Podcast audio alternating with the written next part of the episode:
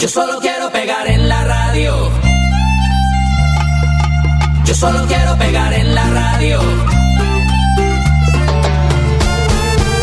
Republika Latina. Latynoski głos pod każdą strzechą.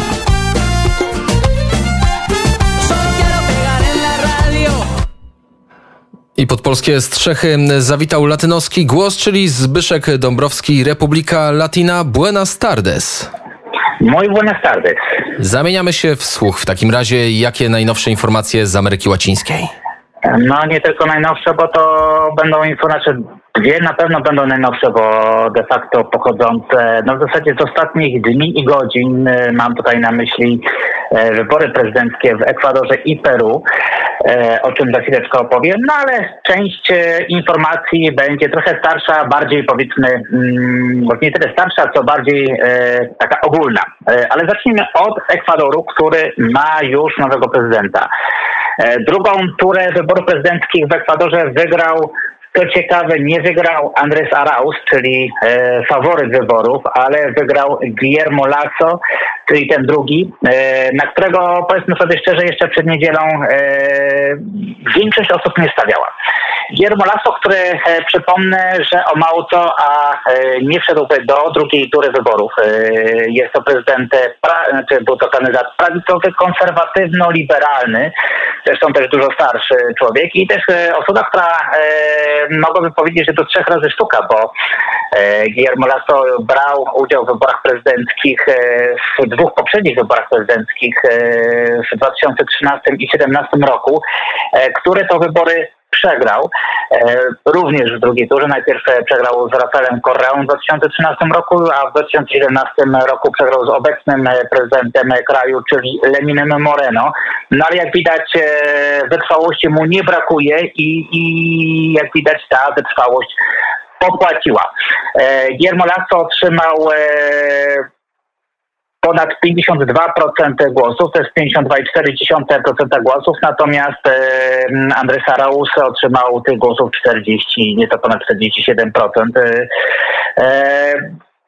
To, co można powiedzieć jeszcze o nowym kandydacie, e, tak jak powiedziałem, jest to już osoba e, no, dużo starsza wiekiem. e, W tym roku skończy 66 lat, ma za sobą bogate doświadczenie przede wszystkim ekonomiczne. Pracował przez wiele lat w instytucjach bankowych, ale i polityczne. Pełnił on m.in. rolę gubernatora prowincji Guayas na zachodzie kraju, ale również przez kilka tygodni pełnił rolę ministra gospodarki w rządzie Jamila Małada, e, byłego prezydenta e, kraju, to mówimy tutaj o końcówce lat 90. ubiegłego stulecia. Mm, Dlaczego e, wygrał Guillermo Lasso, pomimo tego, że e, w pierwszej turze zdobył on aż 13% głosów mniej? No tutaj e, mówi się o dwóch przyczynach. E, Pierwszą z nich jest oczywiście zmęczenie e, dotychczasową sytuacją w kraju. E, W zasadzie e, po pierwsze zmęczenie koreizmem, który nadal jest e, ruchem bardzo popularnym, e, ale coraz więcej osób uważa, że e, no to była taka troszkę, taka troszkę droga donikąd, mimo tego, że za, że za rządów Rafaela Korei Ekwador bardzo się e, rozwinął, no ale powiedzmy sobie szczerze, był to rozwój e, spowodowany głównie e, tym, że na rynkach międzynarodowych e, wówczas panowały wysokie ceny e, ropy naftowej. E, Ponadto też mamy zmęczenie rządami Lenina Moreno, który no, jest e, wygrał wybory jako kandydat koreizmu, później de facto obrócił się o 180 stopni, stał się jego e, zażartym e, przeciwnikiem, no ale mamy również e, sytuację dużo bardziej prozaiczną i dużo bardziej bolesną dla Ekwadorczyków, czyli epidemię, epidemię COVID-19, epidemię koronawirusa. E, Z drugiej strony też trzeba powiedzieć, że e, Guillermo Lasso był e, dużo bardziej aktywnym kandydatem. Jemu rzeczywiście udało się zdobyć te 13% głosów, odbić te 13% głosów i zdobyć kolejne głosy. Mm, Dlaczego? Dlatego też, że on zerwał z tym takim wizerunkiem zimnokrwistego bankiera, czy zimnokrwistego polityka, ale zaczął pokazywać jako taki właśnie człowiek z ludu, porzucił garnitury, krawaty, eleganckie ubrania na rzecz wygodnych ubrań, kreciastych koszul, sportowego obuwia, uruchomił m.in. swój kanał na TikToku, żeby dotrzeć do młodszych, młodszych wyborców. No i oprócz tego składał też dosyć konkretne obietnice wyborcze, obietnice raczej związane z liberalną gospodarką. Tutaj Guillermo Lasso chce rozwijać kraj za pomocą nisko oprocentowanych, bo to mówimy o jednym procencie, łatwych do zdobycia i spłaty pożyczek. Mówi on również o podwyżce płacy minimalnej do poziomu 500 dolarów miesięcznie. Tutaj przypomnijmy, że w Ekwadorze dolar amerykański jest e, walutą obowiązującą. E, Ekwador nie ma swojej własnej waluty. Oprócz tego e, Guillermo Lasso obiecuje utworzenie dwóch milionów nowych miejsc pracy, budowę 200 tysięcy nowych domów na obszarach wiejskich, przyciągnięcie do Ekwadoru międzynarodowego kapitału w polityce zagranicznej Guillermo Lasso stawia na współpracę z Stanami Zjednoczonymi, e, ale również e, wyraża swoje poparcie dla opozycyjnego prezydenta Wenezueli e, Juana Guaido i również ostatnio obiecał ułatwienia dla imigrantów wenezuelskich przebywających w Ekwadorze. Mimo tego, że Guillermo Lasso uważany jest za konserwatywnego e, liberała, jest od wielu lat również członkiem e, Opus Dei, natomiast e, nie jest on tak, taką osobą, mm, takim konserwatystą, nazwijmy to ideologicznie, takim no, nazwijmy to stuprocentowym. Mm, chciałby, jak sam powiedział, chciałby on Ekwadoru, w którym każdy jego obywatel będzie mógł się cieszyć respektowaniem jego praw, w tym również równość autochtoniczna, w tym również kobiety. Ja przypomnijmy, że problem praw kobiety w Ameryce Łacińskiej jest problem bardzo e, silny. Mówimy tutaj również o e, prawach samotnych matek czy ciężarnych nastolatek. E, również, e, e, czy również do tego mm, kręgu obywateli, którzy oczywiście powinni cieszyć się swoimi prawami, również e, Guillermo Lasso łączył społeczność LGBT. Jakie problemy będzie miał Guillermo Lasso? No na pewno e, będzie to współpraca z parlamentem, bo parlament e, zdominowany jest e, przez korreistów, którzy no na pewno będą mu podkładać nogę.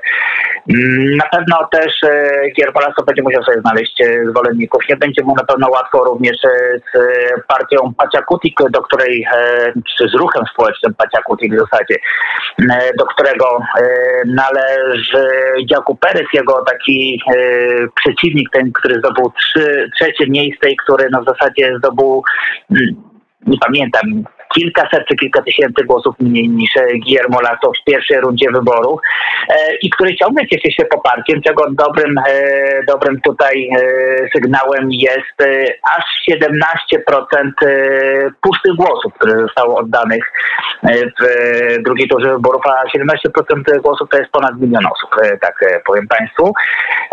No i drugim oczywiście problemem to jest epidemia COVID-19. Dotychczas w Ekwadorze że na tę chorobę zmarło ponad 17 tysięcy osób. System e, szczepień w kraju praktycznie nie istnieje. Nowy prezydent obiecał, że w ciągu 100 pierwszych e, dni swoich rządów aż 9 milionów Ekwadorczyków zostanie zaszczepionych przeciwko COVID-19. Czy tak się stanie, zobaczymy. Oczywiście trzymamy e, za to kciuki. Z Ekwadoru przeniesiemy się do jego południowego sąsiada, czyli do Peru. E, tam również miały miejsce wybory parlamentarne i wybory prezydenckie. Ja już nie pamiętam, bodajże było tam 18 kandydatów. Jak na razie do drugiej tury najprawdopodobniej, mówię tutaj najprawdopodobniej, bo E, w tej chwili mamy wyniki z ponad 98% e, komisji wyborczych e, w kraju, natomiast te różnice raczej nie powinny się zmienić. Najprawdopodobniej do drugiej tury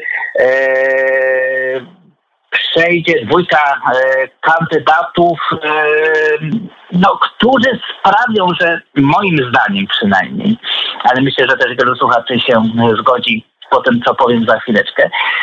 W drugiej turze Peruwiańczycy zmuszeni zostaną do wyboru, mówiąc brzydko, między dżumą a cholerą. czyli między lewicowym populizmem w wersji zbliżonej do ciawistowskiej, a ultraprawicowym autorytarnym fuhimoryzmem. Tutaj celowo podaję nazwę tą, ponieważ oczywiście wiąże się z nazwiskiem Fuhimori.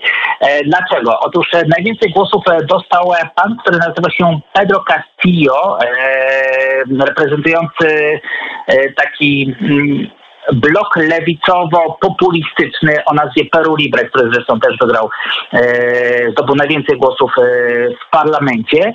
E, Pedro Castillo otrzymał 19% głosów, natomiast jego kontrkandydatką najprawdopodobniej będzie Keiko Fujimori z partii Fuerza Popular, czyli Siła Ludu partia o ciągu tak autorytarnych, partia prawicowa, bardzo konserwatywna, e, zarazem też partia e, rozrabiaków e, politycznych, o tym za chwileczkę powiem. Keiko Fujimori otrzymała 13 i jak dotychczas 13,3% głosów.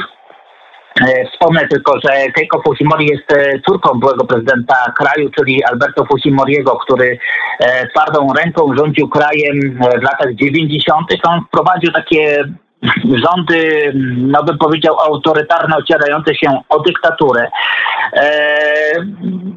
Tu na pewno na plus jego trzeba powiedzieć o osłabieniu tej maoistowskiej e, partyzantki, czyli świetlistego, świetlistego szlaku, natomiast e, też trzeba, to trzeba powiedzieć, e, było to zwycięstwo bardzo, bardzo wysokim kosztem, również które okupili, które które to koszty w zasadzie musiało, musieli opłacić wszyscy Peruwiańczycy, nie mówiąc o kosztach ekonomicznych, ale o kosztach społecznych, e, między innymi bardzo, bardzo e, wielu sankcjach e, wobec ludności wiejskiej oskarżonej o współpracę z partyzantami, co najczęściej było kłamstwem. Alberto Fujimori, przypomnę, został skazany na 25 lat, a Keiko powiedziała, że jeżeli ona zostanie prezydentem, oczywiście ojciec natychmiast zostanie uwolniony uwolniony. E, ponadto Keiko Fujimori jest taką, tak powiedziałem, taką polityczną rozrabiaczką. Ona też, e, ona przegrała dwa razy w wyborach e, w drugiej turze wyborów prezydenckich, ale ona też doprowadziła do obalenia dwóch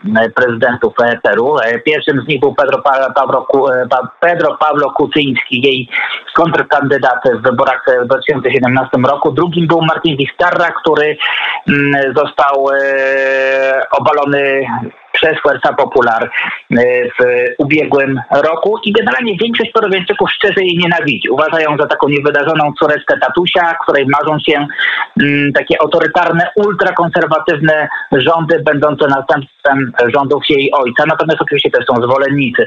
E, warto też wspomnieć, że na Keiko Fujimori ciążą zarzuty korupcyjne. E, niedawno jeden z sędziów peruwiańskich wręcz zażądał dla niej kary 30 lat więzienia oraz rozwiązania jej partii politycznej. Oczywiście, jeżeli Keiko Fujimori wygra wybory, te zarzuty zostaną wstrzymane. E, kim jest z kolei Pedro Castillo, bo to jest też dosyć ciekawa osoba, to jest taki, można powiedzieć, kandydat znikąd. E, Pedro Castillo jest 51-letnim nauczycielem z wiejskiej szkoły w wiosce o nazwie San Luis de Punia w departamencie Cajamarca na północy kraju. E, po raz pierwszy pojawił się on na scenie politycznej w 2017 roku podczas trwającego ponad dwa miesiące strajku generalnego nauczycieli. No i po dzień dzisiejszy jest uważany za ważnego lidera związkowego. Natomiast e, nie przez bycie z działaczem związkowym, ale przez ciężką, rzeczywiście taką ciężką pracę tą związaną z kampanią wyborczą, przez wizerunek również takiego człowieka z ludu, który no, jest e, ubogo odziany, który przebywa z tymi ludźmi, który rozmawia e, z ludźmi, który odwiedza cały kraj, przede wszystkim właśnie tę ubogą ludność wiejską, nie tylko w Cajamarca na północy, ale i Amazonię i, i południe kraju. E, Pedro Castillo zdoł, zdołał wysforować się na czoło wśród innych kandydatów w pierwszej turze wyborów. Pedro Castillo ma taką etatystyczną wizję państwa, chciałby jego roli w życiu obywateli, upaństwowienia wielu gałęzi gospodarki z wydobywczą i paliwową na czele. No i poza tym e, też wielokrotnie wyrażał swoje uznanie wobec rządów populistycznych i komunistycznych rządzących krajami Ameryki Łacińskiej. Mówimy tu oczywiście o Kubie, Wenezueli, Nikaragui czy Boliwii, czyli generalnie można powiedzieć tak, szykuje nam się kolejny sojusznik Nicolasa Maduro. Tak można to powiedzieć w skrócie. No to co ciekawe tutaj też można powiedzieć, że o ile Pedro Castillo reprezentuje takie no, mm, mocno ultralewicowe nawet e, podejście ekonomiczne, bo to bo kandydaci lewicowi tacy bardziej umiarkowani też byli e, w wyborach, natomiast on, e, tutaj akurat Weronika Mendoza, która reprezentowała socjalistów, zdobyła zaledwie około niecałe 8% głosów. O tyle Pedro Castillo w sprawach społecznych jest kandydatem, podobnie zresztą jak Keiko Fujimori, kandydatem ultrakonserwatywnym jest kandydatem, który wyraża się przeciwko aborcji, który wyraża się przeciwko małżeństwu jednopłciowym, przeciwko mniejszościom e, seksualnym itd., tak itd. Tak e, Generalnie, jak mówią analitycy polityczni, bo druga runda będzie miała miejsce dopiero, druga runda wyborów za niecałe e, dwa miesiące, to znaczy 6 czerwca tego roku. E, tak jak powiedziałem tutaj wcześniej, mówimy o takim trochę dla większości parowiańczyków pewnie będzie to wybór między dżumą a cholerą. Natomiast analitycy polityczni też podkreślają, że będzie to takie starcie dwóch, e, dwóch Peru, dwóch krajów jak gdyby. Tego kraju ubogiego, kraju wiejskiego, kraju prostego, e, reprezentowanego właśnie przez Pedro Castillo z e, krajem e, zamożniejszym, krajem również konserwatywnym, konserwatywno-liberalnym, bo Keiko Fujimori, tutaj oczywiście mówię o niej w kwestiach ekonomicznych, bardziej stawia na liberalizm. Także zobaczymy i to, i to jest powiedzmy ten, ten kraj reprezentowany w miastach. Oczywiście zobaczymy, co będzie. Myślę, że bardzo wielu Peruwianczyków po prostu nie od odda głosu, e, czy odda głos nieważny, dlatego że po prostu nie zgadza się ani z jednym, ani z drugim e, kandydatem, ewentualnie po prostu wybierze mniejsze zło, jakie będą wyniki oczywiście dowiemy się na początku e, czerwca. I tu możemy postawić kropkę, trzy kropki? No możemy postawić trzy kropki, bo myślę, że to były dwa takie najważniejsze tematy. Oczywiście, no mówię, inne tematy są też ciekawe, ale myślę, że e, no możemy Bo inne też, tematy też... odsyłamy na Wnet FM, tam wszystkie te najważniejsze informacje zebrane przez e, Zbyszka Dąbrowskiego e, pojawią się w ciągu najbliższej godziny. My dziękujemy serdecznie za ten przegląd wiadomości z Ameryki Łacińskiej, Republika Latina. Zbyszek Dąbrowski był gościem Kuriera w samo południe. Escucharte.